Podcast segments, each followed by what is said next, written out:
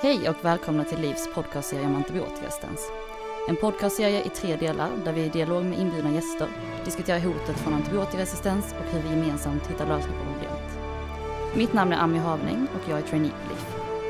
Med mig idag har jag Bengt Mattsson som är sakkunnig inom hållbarhet och antibiotikaresistens för LIF, som är branschorganisationen för de forskande läkemedelsbranschen. Och i vårt andra avsnitt så gästar vi av Jonas Ålebring som är medicinsk direktör på Pfizer och Erik Hallgren som är samhällspolitisk chef på MSD. Välkomna! Tack! Tack, tack! Kul att vara här. Och i det här avsnittet så ska vi alltså få höra lite mer från läkemedelsföretagens synvinkel på den här frågan. Eh, ni två har ju lite olika bakgrunder på era företag och roller. Så jag tänker att vi börjar med att ni får beskriva lite vad gör ni i er roll och vad har ni för bakgrund? Jonas, vill du börja? Absolut. Nej, men jag är medicinsk direktör på Pfizer och har jobbat där i lite över ett år nu. Eh, världens roligaste jobb eh, brukar jag säga att jag har. Eh, för mitt jobb går ju ut på att se till att patienter får tillgång till innovativa nya behandlingar. Och det gör jag genom att se till att Pfizer är en bra partner till hälso och sjukvården i allt från utbildning, forskning, datagenerering och till att ta fram helt nya innovativa digitala lösningar som stöttar patientens resa genom vården. Innan jag började på Pfizer så har jag arbetat med klinisk forskning och jag är också narkosläkare. Och eh, Erik, vill du berätta om din roll? Ja absolut, så jag menar som, som eh, titeln eh, förklarar lite kan man väl säga så arbetar jag med samhällspolitiska frågor och eh, eh, man kan väl säga att jag tror att jag och Jonas delar målet med vårt arbete att se till att patienter ska få tillgång till innovativa behandlingar och så vidare. Men eh, mitt arbete sker väl lite på ett annat sätt där vi som, jag menar, vi som läkemedelsföretag är en aktiv del av, eh, av samhället och den samhällspolitiska debatten och jag arbetar med att driva frågor där som vi tycker är viktiga. Mm, intressant. Eh, Jonas, du som då medicinsk direktör och även läkare vet jag. Eh, vill du berätta lite vad är egentligen antibiotikaresistens och varför är det ett så stort problem? Ja, men bakterier finns ju överallt ibland oss och kan ibland orsaka infektioner. Och det finns ju många an anledningar till det. Det kan vara att bakterien är aggressiv eller extra smittsam. Men det kan också vara att en person har sänkt immunförsvar eh, eller på annat sätt har ett sår som minskar kroppens skydd mot bakterier. Eh, det kan också vara att man har haft en förkylning som har gjort luftvägarna extra känsliga. Eh, när man får en infektion så mobiliserar ju kroppen sitt immunförsvaret för att bekämpa den här infektionen. Men ofta behövs antibiotika för att hjälpa kroppen på traven för att kunna ta hand om den här infektionen. Eh, och detta har ju varit en stor liksom, revolution egentligen i hälso och sjukvården och i folkhälsa eh, från liksom, början av 1900-talet. Eh, antibiotika gör ju att vi kan, eh, att vi kan eh, bekämpa infektioner. Tidigare var ju en eh, lunginflammation var ju liksom skillnad mellan liv och död. Nu är det mer banal infektion som ofta går att bota med antibiotika. Det gör ju också att vi kan byta höfter om man har eh, artros i höfterna. Det gör också att man kan eh, eh, göra avancerade cancerbehandlingar. Så att vi har effektiva antibiotika är ju väldigt viktigt. Men när vi använder antibiotika så eh, kan det bli så att bakterierna utvecklar resistens mot de här antibiotika. Och det, är ju, det finns ju olika typer av bakterier som har egentligen naturlig resistens mot olika typer av antibiotika. Så alla antibiotika funkar inte på alla bakterier. Det är en sån viktig sak att komma ihåg i detta. När det finns också ett antibiotikatryck, att man använder mycket antibiotika, så gör ju det att när bakterierna delar sig, vilket de gör hela tiden, så kan det uppstå mutationer som gör att de blir mer motståndskraftiga mot antibiotika och då gynnas ju helt, helt enkelt de bakterierna som har den mutationen. Sen i förlängningen så kan ju de här resistensmekanismerna också överföras mellan olika, eh, olika bakterier och skapa problem i samhället. Mm.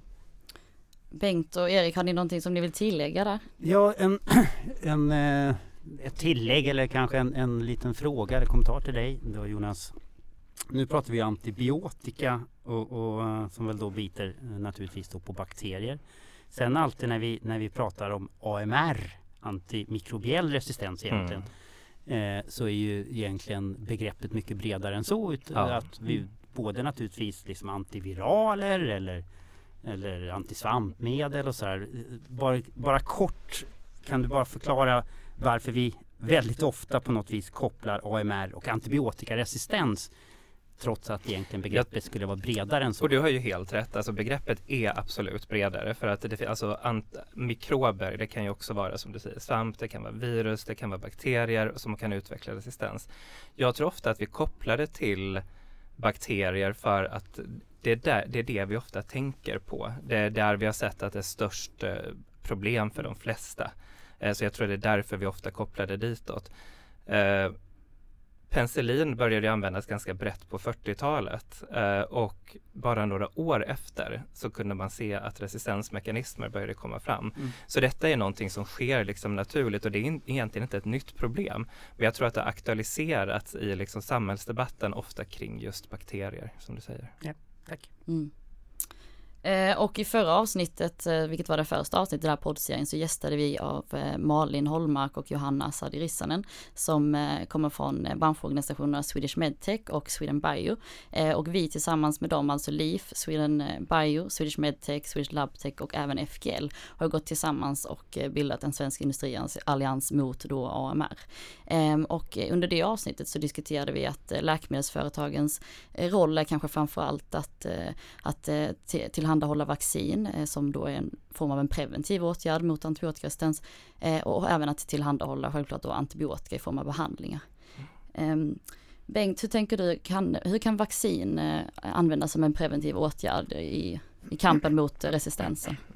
Eh, jag brukar försöka beskriva det på det sättet att allt vi kan göra för att minska infektionstrycket eller antalet infektioner i samhället och det kan man ju naturligtvis tänka sig god hygien, god sanitet. Eh, som, som väl många av oss naturligtvis blev än mer varse under, under pandemin. Hur viktigt det är att tvätta händer och, och, och sådär. Så, så en, ett minskat antal infektioner som cirkulerar i, i samhället torde också då leda till naturligtvis ett minskat behov av antibiotikabehandlingar och därigenom då potentiellt sett ett, ett minskad resistensutveckling, en långsammare resistensutveckling. Och det som då eh, skulle, tycker jag, kunna nyttjas mycket, mycket, mycket mer. Det är ju vacciner brett. Vi har ju världens bästa barnvaccinationsprogram. Mm. Eh, fantastiskt hög täckningsgrad. Men vi eh, har egentligen inga riktiga strukturer på plats för att ge vaccinationer eh, brett nationellt i den vuxna befolkningen. Eh, Covid-19-vaccinerna naturligtvis. Nu kommer de första, första vaccinationsprogrammet på nationell nivå för pneumokocker som då är eh, liksom inom det här området där vi pratade lunginflammation redan tidigare. Eh, så, så med vaccinationer så minskar vi antalet infektioner och därigenom behovet av antibiotika. Mm. Eh, ja, men du pratar om det här med behov av ett eh, vuxenvaccinationsprogram som jag vet att LIF eh, driver den frågan. Eh, Erik, vad är ditt perspektiv på det? Vad behövs till för att, för att få ett sådant program på plats? Nej, men jag håller helt med eh, eh, Bengt här i det han säger kring, kring vikten av eh, vaccination när man arbetar mot AMR och eh, jag tror även att eh, det som är intressant här är att man kan se lite före och efter covid-19 om man tittar på den, den allmänna debatten så att säga. Att man, från mitt perspektiv så kan man säga att i det allmänna medvetandet så att säga så innan covid-19 så var vacciner någonting som man gav barn eller vuxna när man skulle ut och resa. Och jag tror att efter covid-19 så eh, har vi öppnat upp ett eh, intressant forum att diskutera de här frågorna och kanske också se eh, på vaccination som någonting som behöver ske eh, under hela livet och inte bara eh, jag menar, inom ramen för barnvaccination. Och jag menar flera Flera organisationer har ju pekat på just det här behovet, inte minst eh, Europeiska kommissionen. Och, men här tror jag också att just för att få till ett sånt här program så måste vi se till, jag menar vi som, som läkemedelsföretag och, och faktiskt höja kunskapen kring vad vaccinerna kan göra.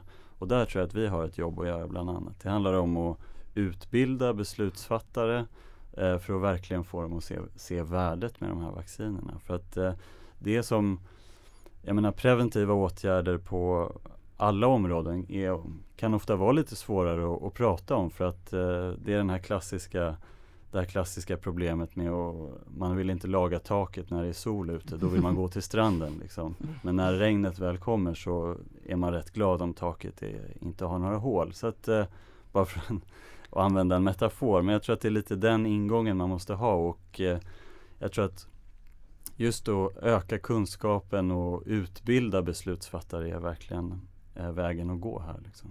Mm. Får, jag, får jag följa upp med en, en liten fråga där då Erik? För, för eh, eh, naturligtvis, vi måste ju få då programmen på plats. Mm. Det som, som har funkar och funkar väldigt bra i barnvaccinationsprogrammet det är ju liksom, vi vet också var någonstans, när det ska ges. Det finns en infrastruktur runt omkring. Elevhälsan har en tydlig roll. Eh, och just det där, alltid liksom, blir man kallad till då vet man liksom det är dags att göra det. Medan, medan när vi tittar på de, den typen av vuxenvaccinationer som finns, som i den årliga influensavaccinationen exempelvis, mm. liksom, så är det ju inte riktigt lika tydligt liksom att man blir kallad eller liksom vem ska få, vem ska ge, var någonstans ges det? Mm. Eh, hur ser du på det? Att, att för, både att program måste finnas på plats, naturligtvis något, ett register så att man också kan följa upp och veta vilka som har fått och inte fått, men också den här infrastrukturen runt omkring. Mm. Har, har, du några tankar där? Det man kan säga är att från, från mitt perspektiv är väl liksom att just här kan vi se fördelarna med att ha just ett nationellt program. För där kan man se, ja men då kan man också jobba med riktade eh, informationsinsatser på eh, nationell nivå för att se till att just de som ska vaccineras verkligen erbjuds tid och att de kan komma. Och det här, det finns säkert olika metoder för att lösa det här. Jag vet att till exempel om man tittar på regioner, i vissa regioner erbjuder man pneumokockvaccination till, till äldre som kommer in för att vaccinera sig mot eh, influensa mm. till exempel. Och eh, det här, om man kan, kan göra det på en mer strukturerad nationell nivå så tror jag att det definitivt är en väg att gå. Men jag tror att den viktigaste, här måste man ta ett nationellt grepp kring de här frågorna just för att kunna eh, som du säger Bengt, ha ett nationellt register och också kunna följa upp på, på ett bra sätt. Mm. Mm. Jag tror att det är otroligt viktigt att man har ett nationellt vuxenvaccinationsprogram också ur ett jämlikhetsperspektiv. För att det finns ju vissa i samhället som tänk, alltså planerar mer kring vaccinationer eh, och är mer aktiva i det spacet. Eh, och vi ser ju också att vaccinationstäckning fick till exempel för covid men andra vaccinationer också är olika i olika socioekonomiska grupper och olika områden. Och skulle staten ta ett större ansvar för att just bidra med den här infrastrukturen och faktiskt göra det väldigt lätt för personer också att, att vaccinera sig. För att när, som du säger Erik, när solen skiner och man inte riktigt är sugen på att fixa taket, det är då man ska göra Man måste liksom göra det så lätt som möjligt att ta vaccinationerna och att det finns en närhet. Och då tror jag just den här mm. infrastrukturen är, är väldigt viktig. Mm. Men, men jag tänker det, ähm, finns det, vilka liksom hinder ser ni och vem är, det, vem är det som egentligen har ansvar över detta? Vem är det som ni ser bör, bör agera i den här frågan om då vuxenvaccinationsprogram? Det finns ju självklart ett hinder, vem betalar? Det ska mm. vi inte sticka mm. under stol med att, att eh, så fort det då blir ett nationellt program då ska staten betala. Och egentligen kan man säga att det är liksom någon form av anomali för, för det är regionerna som har det huvudsakliga ansvaret för hälso och sjukvården och då att behandla eh, befolkningen. Mm. Men så fort man gör det till ett nationellt program så, så är det statlig finansiering eh, rakt av. Och väldigt mycket av de diskussionerna som vi har med, med eh, nationella eh, företrädare och precis nu när vi, när vi sitter här och pratar så har ju under hösten nu dragits igång då Anders Tegnell leder ju en statlig utredning där man ska se över de nationella programmen och även titta på, på eh, vaccinations eller vaccinregistret. Men, men jag tror att en springande punkt alltid kommer vara vem betalar? Så blir det ett nationellt program som covid-19 blev ju nationellt eh, och vem betalar då? Mm. Staten betalar. Mm. Tror ni vi kan fortsätta rida på den eh, covid-19 vågen om man säger så? Att det har visat oss verkligen att ja, men vi kan minska smittspridning med vaccin om vi har det är väldigt aktuellt. Tror ni det kommer hjälpa?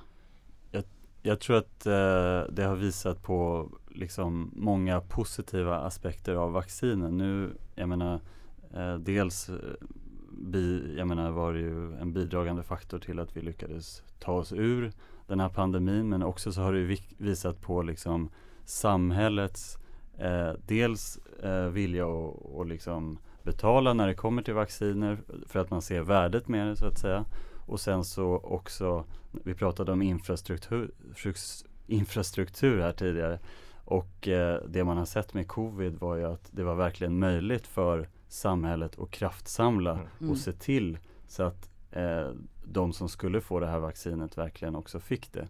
Och eh, jag tror att även om covid nu var en, en sorts krissituation så eh, tror jag ändå att man skulle kunna replikera det här på, på Mm. andra vaccinationsprogram också. Och det är väl nu man egentligen har ett, ett, en perfekt öppning för att faktiskt agera på detta området Mm. och ta tillvara på någon typ av politisk handlingskraft på detta området. För att som, som du säger, vi har ju liksom lyckats ändå i en krissituation bygga upp liksom massa olika samhällsaktörer, bygga upp strukturer för att vaccinera en hel befolkning. Tydligt att medborgarna också vill skydda sig med vaccinationer och undvika sjukdom. Inte bara för sin egen skull men också ur en solidarisk eh, synpunkt för att skydda riskgrupper och andra eh, människor också. Så att det är ju nu som regionerna och staten skulle behöva fundera tillsammans på hur bygger vi upp en, en stabil struktur för att införa ett bredare eh, nationellt vuxenvaccinationsprogram. Var behöver vi ha enheter? Vilken roll ska primärvården ha? Hur ska vi nå ut till alla medborgare på ett jämlikt och bra Mm. sätt? Eh, det är nu vi behöver fundera på detta, eh, alla tillsammans. Mm. Ja men säg att vi får ett, ett sånt här program på plats. Eh, så vi behöver ju fortfarande att ha eh, antibiotika på marknaden. Vi behöver ju dels värna om de antibiotika som vi faktiskt har idag. Men vi behöver ju också få ut nya antibiotika. Varför är det så svårt att nå ut eh, hela vägen till marknaden med nya antibiotika? Ur era, era olika perspektiv, jag tänker Jonas du som det medicinska perspektivet, vad skulle du säga är de största hindren? Absolut. Jag tycker det är så bra hur du lägger upp frågan också för att det handlar ju dels om hur förhindrar vi infektioner med vacciner? Det handlar om hur tar vi hand om de antibiotika vi har eh, tillgängliga idag så att vi inte överanvänder dem utan använder dem till rätt patient, rätt infektion, rätt tillfälle och rätt längd och tid och så vidare. Eh, så att vi inte driver resistens mer. Men även såklart en otroligt viktig punkt, hur tar vi fram nya antibiotika? eh, så att vi kan fortsätta bedriva eh, den avancerade hälso och sjukvård som vi gör idag. Eh, och det finns ju en del utmaningar såklart med att ta fram eh, nya läkemedel, eh, på, precis som för antibiotika som för andra läkemedel. Det är utmanande, det tar lång tid och det kostar ju väldigt mycket pengar. Eh, först behöver man ju ha ett gediget grundforskningsarbete eh, för att verkligen förstå mekanismerna bakom AMR. Sen behöver man förstå hur ett läkemedel ska kunna ha effekt på just den bakterien. Sen designa läkemedlet och se till att läkemedlet tar sig fram till just där infektionen eh, befinner sig. Eh, och det krävs ju väldigt stora eh, kliniska studier ofta i många länder för att se till att eh, vi kan liksom visa att det har god effekt och säkerhet och sedan också för att validera detta. Så att liksom med denna bakgrunden, eh, när man inser hur otroligt, vilket otroligt stort maskineri det är med läkemedelsutveckling, eh, så är det ju lätt att förstå att det också är, är dyrt eh, och tar lång tid. Därför behöver vi se till att vi har rätt incitament också för att utveckla nya antibiotika. Eh, och det behöver vi ha nu, just eftersom det också tar lång tid. Eh, det har vi ju sett att, att eh, pipelinen för nya antibiotika minskar ju hela tiden. Eh, alltså de, de potentiellt nya antibiotika som befinner sig i utveckling. Just för att det är, det är svårt, det är en svår process och belöningen, om man säger så, när man väl blir färdig eh, stämmer inte överens med det arbetet man har varit tvungen att lägga ner. Och, och Mm. innan eh, Erik, jag gissar att du kan komma in i, i mer kring, kring marknaden där och, och de ekonomiska incitamenten och de behoven. Men innan, innan det, för någonting som jag som lekman då ändå inom, inom medicinområdet på något sätt eh, ofta funderar över att, att när man tänker på, på ett, ett protokoll för en klinisk prövning på ett vanligt läkemedel så, så liksom man rekryterar in patienter eh, så, så kan ju det liksom vara ändå en ganska kontrollerad process, eller väldigt kontrollerad process. Alltså Med- alla medan- kliniska studier ja. är väldigt kontrollerade processer så, skulle så, jag säga. Så, så, men det jag ska försöka komma fram till är ju liksom att, att framförallt då när vi ska hitta när, liksom, antibiotika mot väldigt liksom, akuta infektioner där, där patienten är, är döende. Mm. Då, alltså, så kan man ju misstänka att den här processen för att rekrytera patienter in på ett kontrollerat sätt och också veta vilka Mm. de ska helst då liksom ha, vara ganska välbestämda om man säger så, Mm. vad, vad, vad de har behandlats med tidigare. Så måste det här vara ett Ja. extra svårt Ja. område. Men så är det ju. Alltså man har ju, I en klinisk studie så har man ju olika studiesajter och då gäller det ju att patienten som rå- råkar ha just den typen av antibiotikaresistens eh, befinner sig där och blir sjuk just då och att man tänker på att nu ska vi inkludera den patienten i den där studien. Det är ju precis motsatsen till att vara under covid där det gick väldigt snabbt att göra eh, kliniska studier på covidvaccin för att det fanns så otroligt många som ville vara med i studierna och så väldigt många som hade covid. Eh, Det var så vanligt i samhället så att där gick det väldigt snabbt med, eh, med AMR så är det ju tvärtom. Mm. Mm. Att det blir mycket komplicerat och extra dyrt för att man får väldigt många studiesajter för att kunna fånga upp de där väldigt väldefinierade patienterna. Tack. Eh, Erik, vad är, vad är ditt perspektiv på frågan? Jo men jag tycker Jonas sammanfattar det väldigt väl, alltså de svårighe- svårigheterna som också leder till de, vad ska man säga, marknadsmässiga svårigheterna som finns när det kommer till att ta ett antibiotikum till marknaden liksom. Just för att det finns en motsägelse här i hur, hur affärsmodellen fungerar för att AMR-problematiken i sig gör ju, skapar en situation där vi å ena sidan måste tillhandahålla gammal antibiotika, utveckla ny antibiotika men samtidigt dra ner på användningen av, av antibiotika. Vilket ju, det, man behöver inte vara ekonom för att förstå att eh, principen kring efter, utbud och efterfrågan sätts ju lite ur spel här liksom. Trots att vi ändå behöver utveckla de här nya eh, antibiotika. Liksom. Och det här kombinerat med att som Jonas säger, någon som vill utveckla antibiotika tar en väldigt stor ekonomisk risk. Det är en lång, svår process och leder inte alltid till, till eh, framgång helt enkelt. Eh, gör ju att det här skapar en väldigt svår situation för företagen. Dessutom så är det ju så att i den pipeline som finns så är det ju de som utvecklar ny antibiotika är ju kanske till, till en stor del i alla fall små och medelstora företag eh, med kanske en till tio anställda i vissa fall vilket ju skapar en ännu större ett, vad ska man säga, en ännu större risk för så små företag. Liksom. Så att Mm.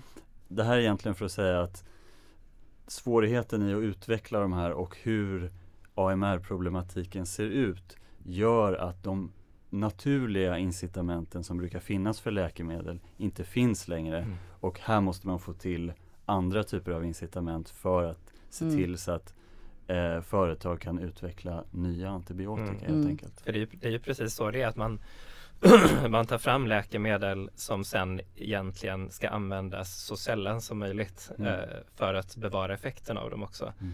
Och det sätter ju så precis som du säger detta ur spel hur vi ser på värde och det är egentligen lite föråldrade sättet som man ser på, på värde när det Mm. gäller läkemedel.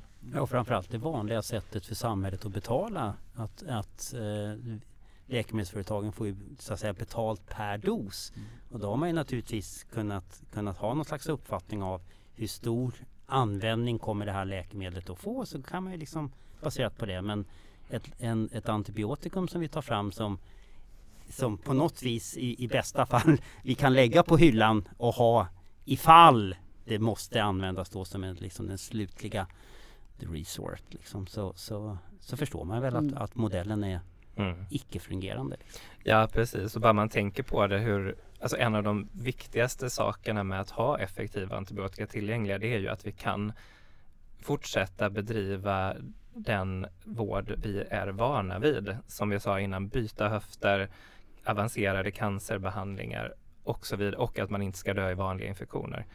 Eh, de delarna är ju inte riktigt med i modellen när man tittar på värde och då är det ju därför på något sätt Eftersom det faktiska värdet av antibiotika som det skapar för patienter och samhället är frikopplat antalet piller eller injektioner så behöver ju också modellerna ha att man frikopplar mm. de sakerna.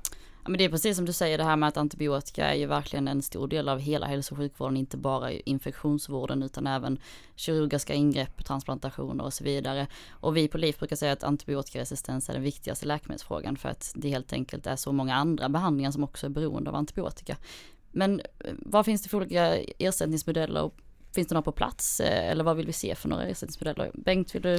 Jag kan eh, bara kort beskriva lite utav det som, som, eh, som det pratas om. Och, och här, det var, jag tror det var du Jonas som sa frikopplad från eh, tablett eller injektion eller något sånt här. Och det, det brukar man då kalla en delinked eller partly delinked modell. Där, där den ersättning som då företagen eh, får inte då har en koppling till antalet försålda doser.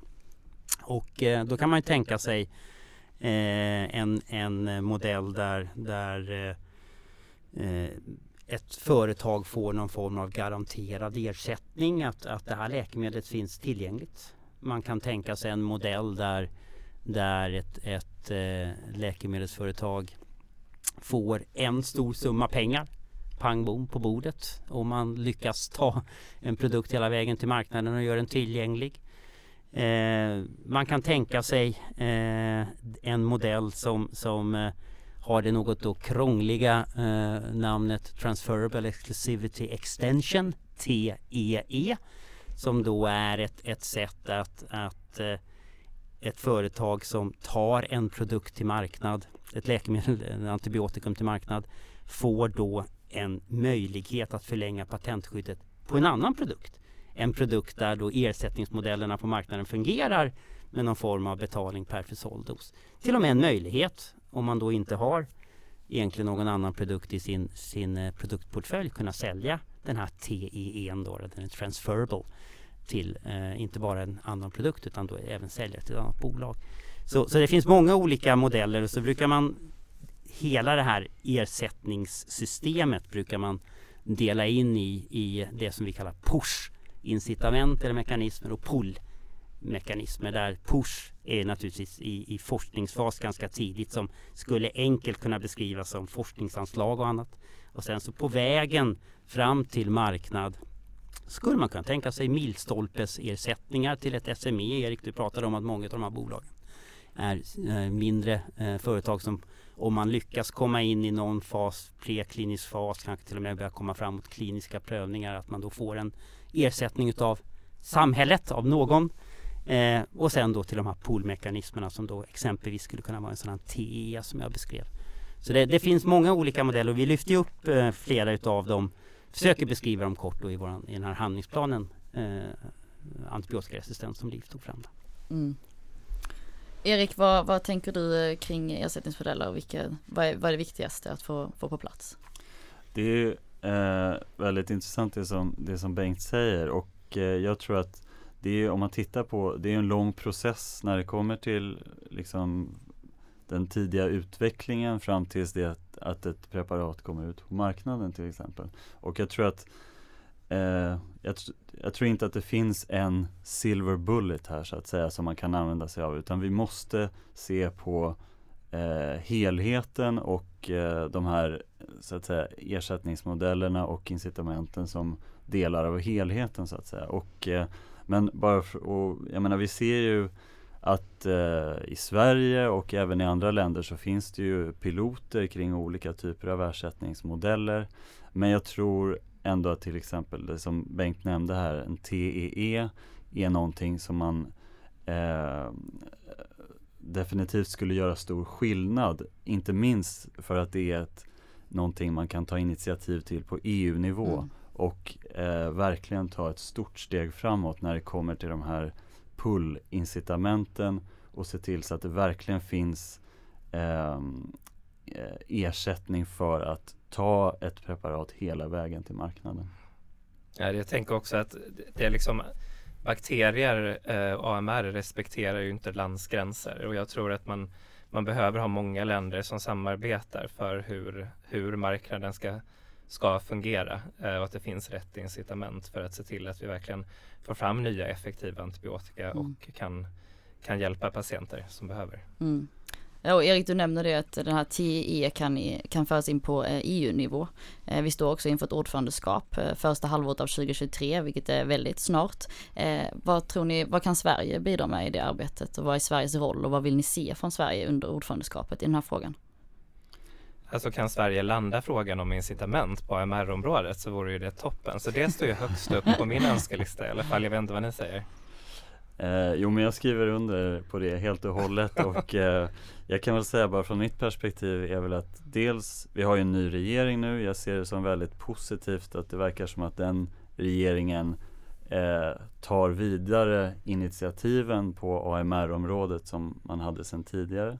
Och det jag skulle vilja se är också att det är ju så, i Sverige är vi ändå, om man ser globalt sett så är vi en relativt god situation när det kommer till eh, AMR-frågan. Och eh, jag skulle ändå vilja se att eh, den svenska regeringen lite tar på sig ledartröjan nu under ordförandeskapet och, och, och tar den här erfarenheten ut i Europa och eh, naturligtvis eh, eh, levererar de här ekonomiska incitamenten på, mm. på EU-nivå. Ja men verkligen, jag, typ precis som du säger, vi har ju ett väldigt stort förtroende när det gäller AMR-frågan. Mm. Vi är väldigt duktiga på vårdhygien, eh, förhindra infektioner. Vi är jätteduktiga på att vara sparsamma med antibiotika, använda det vid rätt tillfälle. Uh, nu gäller det ju att vi liksom tar den drivkraften att faktiskt adressera AMR och även adresserar just incitamentfrågan. Så att eh, jag tycker Sverige levererar detta under ordförandeskapet. Och, sen så då för en, en, en, eh, en politisk nörd skulle säkert sitta och lyssna på det här och då här, vet de inte om att man som ordförandeland då framförallt är man leder förhandlingarna. Man ska egentligen vara relativt opartisk i, sitt, i sin ledarroll som ordförande. Men ni har ju naturligtvis rätt båda två. Det som är den fantastiska möjligheten det är ju att man som ordförandeland också naturligtvis eh, kan säga väljer vilka frågor som då ska upp tydligt på förhandlingsbordet. Och, och det är ju glädjande eh, med att eh, 6 till 7 mars som en del då utav, utav eh, ordförandeskapets alla olika möten så eh, kommer ju det svenska ordförandeskapet då att anordna ett så kallat högnivåmöte eh, här i, i, eh, i Stockholmstrakten kring Arlanda. Mm. Eh, där, där ministrar, statssekreterare och motsvarande från, från eh, många länder kommer närvara och det vi, det vi hoppas se där är ju att att såväl då i den pågående revideringen av den europeiska läkemedelslagstiftningen liksom i de så kallade rådsrekommendationerna kring antibiotikaresistens. Att eh, starka incitament eh, måste finnas med där. Och det verkar ju åtminstone vi, föga överraskande, vara synnerligen överens om. Ja, det, det, är fint att höra att, att vi är eniga om det. Eh, Absolut.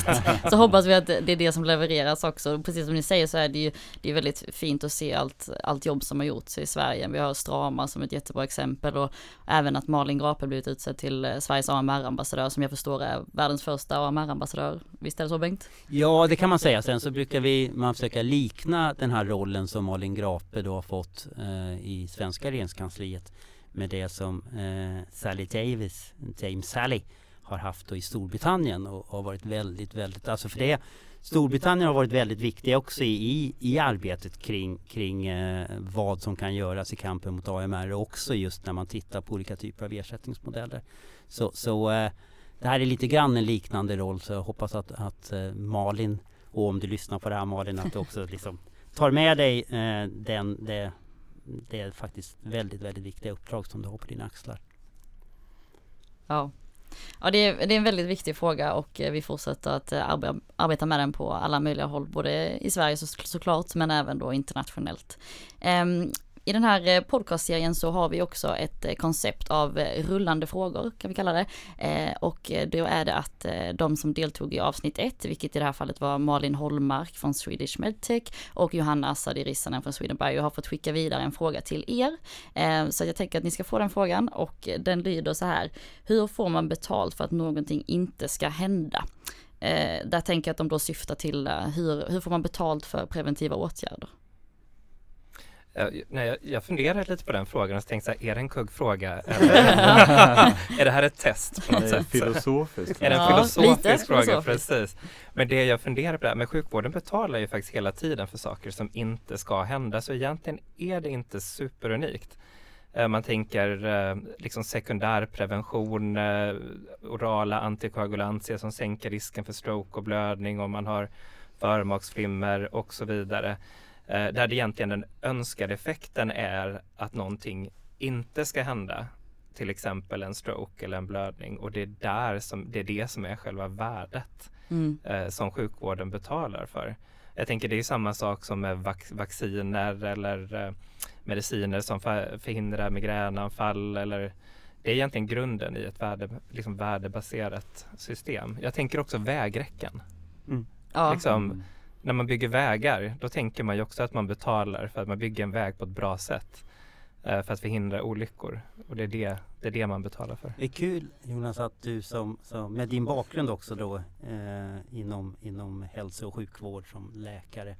Eh, för att du säger det här, för jag tror att, att vi ibland eh, från, från, eh, kan tycka liksom att, att, att det inte finns en, en tydlig betalningsvilja eller eh, vilja att, att eh, fokusera på förebyggande åtgärder. Att man, det är lättare åtminstone liksom att, att eh, beskriva liksom en, en tydlig behandling av en sjukdom eller kanske i bästa fall ett bot till och med.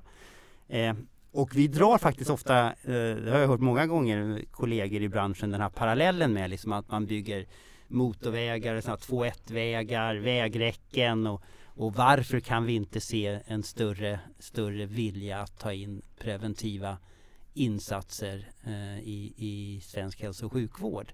Det är i alla fall glädjande lite grann att du tycker att det ser inte kanske riktigt så mörkt ut som, som när Malin och Johanna liksom tyckte ur sina perspektiv att, att eh, en, en eh, en suturtråd som är behandlad för att det inte då liksom det ska mm. kunna bli ett, ett, eh, en dyrare då är den ju behandlad för att det då inte ska lika lätt bli en en infektion i såret att, att man då kanske faktiskt ofta väljer att köpa en lite billigare eh, mm. eh, Men jag tänker att det kan vara så, det är kanske det som är en del av problematiken att det när det gäller viss typ av prevention så är samhället mer vana att betala för det. Man behandlar ett blodtryck för att man inte ska få en hjärtinfarkt tio år senare. Det är ju, då är ju, det är också en typ av prevention. Eh, men suturtråden kanske inte har eh, man är lika van vid att betala för. Och på samma sätt är det ju egentligen med vacciner där vi inte heller egentligen har en alltså en fullt ut värdebaserad modell för, för vacciner heller. Mm. Jag tänker att det kanske är svårare också att mäta. Eh, just med att du mäter att det är någonting som då inte ska hända istället för att du kanske mäter att patienten blir frisk. Mm. Eh, Erik, vad, vad, tänker du? Hur får vi betalt för att något inte ska hända? Jo men jag är väl lite inne på samma spår här och jag menar från mitt perspektiv liksom rent politiskt så, så kan man ju å ena sidan förstå att det, det, är, det är en utmaning att, att få till preventiva åtgärder från politiskt håll just för att just för att man har många brinnande frågor som händer just i detta nu så att säga. Men jag skulle vilja komma tillbaka lite till det jag sa tidigare där liksom kring just det här att tänka långsiktigt och att just utbilda beslutsfattarna kring de här frågorna och visa på eh, värdet av preventiva åtgärder i ett långsiktigt perspektiv. Och jag tror att här har vi som läkemedelsföretag också en roll att spela och bidra med den kunskapen vi har om eh, de långsiktiga positiva effekterna. Eh, just för att, för att underlätta beslutsfattandet där. Tror, tror ni också att det kan ha funnits som en del av den här frågan att att betala mycket pengar för det här nya antibiotikat som, som kommer till marknad. Som vi kanske inte, förhoppningsvis, inte behöver använda Mm. utan lägger på, på en hylla liksom. Då har samhället betalat stora summor pengar för någonting som vi inte ska använda. Det kan man ju nästan också läsa in i den här frågan Mm. att det kan det kanske inte riktigt är lika lika enkelt. Och jag är tillbaka till det här, när ska man laga taket? Är det när solen skiner Ja, eller när det regnar? exakt. Liksom? Ja precis och, och jag menar man, någonstans måste man väl ändå titta på ja, men kostnaden för de här eh, och liksom lägga de här läkemedlen på hyllan för att ha tillgång till dem i, i, i relation till vad kostar det att inte göra någonting? Mm. Vad kostar AMR-problematiken samhället idag? Mm. På, jag menar, Euro, Europeiska kommissionen har ju tagit fram siffror som visar på att det kostar eh, Europa eh, cirka en och en halv miljard euro per år i eh, produktionsbortfall och liknande. Och eh, de här sakerna måste man ju, man måste också, det är en stor utmaning men man måste också kunna sätta ett, liksom, en kostnad på vad det kostar att inte göra någonting. Mm. Mm. Och vi kan väl lägga till där också bara så att ja, Alltid när man pratar pengar så låter man nästan lite krass liksom men, men utöver de här kost, enorma stora pengakostnaderna Mm. så, så eh, någonstans 1,3 miljoner människor Mm. dör Mm. Mm. Mm. årligen redan idag. Mm. Mm. Och situationen riskerar ju naturligtvis att eskalera. Mm. Jag tänker ibland kanske det, för det är, kan ju vara svårt att just förstå det där värdet när du utmanar liksom invanda föreställningar om vad som egentligen ett värde är. Men jag tror det kan hjälpa lite att tänka i scenarier. Om vi inte gör någonting nu och vi inte har effektiva antibiotika i framtiden kommer vi inte kunna göra cancerbehandlingar. Vi kommer, folk kommer att dö av vanliga lunginflammationer. Vi kommer inte kunna ha modern hälso och sjukvård. Vi kommer inte kunna byta höfter. Vad, vad kommer inte det vara för kostnader för samhället? Tänk i det scenariot jämfört med att vi faktiskt gör någonting. Vi fick, fixar incitamenten. Vi kommer ha effektiva antibiotika i samhället, eh, tillgängliga och faktiskt kunna utveckla hälso och sjukvården. Det är ett helt annat scenario. Mm. Vi kan hjälpa att tänka så. Betydligt mycket trevligare scenario. Ja, det låter lite Ja. bättre för mig också. Eh, ja men eh, jättebra input och eh, intressanta tankar ni har. Eh, då tänker jag att ni ska få skicka vidare en fråga till eh, nästa avsnittsgäster. Och eh, i nästa avsnitt, det vill säga avsnitt tre av vår poddserie, så gästas vi av Enrico Baraldi som är projektledare för Platinia. Eh, Platinia är en samverkansplattform som eh, arbetar med att optimera användningen av antibiotika men också att öka tillgängligheten till existerande antibiotika. Eh, och Anders Karlén som driver arbetet inom Enable 2 som ju är en så kallad pipeline-koordinerare. Eh, man kan säga att de hjälper till med att utveckla nya antibiotika. Eh, vad har ni för fråga som ni vill skicka vidare till dem? Ja, vi snackade ju ihop oss här lite jag och Erik och tänkte att det viktiga i detta är ju ändå patientperspektivet och se till att patienter får bra vård och har en, har en hälso och sjukvård där de faktiskt har möjligheter att bli behandlade för massa olika åkommor. Vilket detta är så viktigt. Så, och för att möjliggöra detta så är ju liksom att utforska definitionen av värde kändes viktigt för oss båda. Så vi kom fram till frågan hur skulle ni definiera värde och på vilket sätt utmanar AMR-området tidigare synsätt på värde? Mm. Det ska bli otroligt spännande att höra svaret. Ja, verkligen. Ja, väldigt spännande fråga. Då, då får jag rekommendera er lyssnare och också er att lyssna på vårt eh, tredje avsnitt av vår poddserie. Eh, då vill jag avsluta med att säga stort tack till er att ni kom och gästade vår eh, podd. Jättetrevligt att ha er här. Eh, och även stort tack till alla er som har lyssnat på podden. LIF har även en handlingsplan mot antibiotikaresistens som finns på liv.se. Tack! Tack så jättemycket. Tack så mycket. Tack.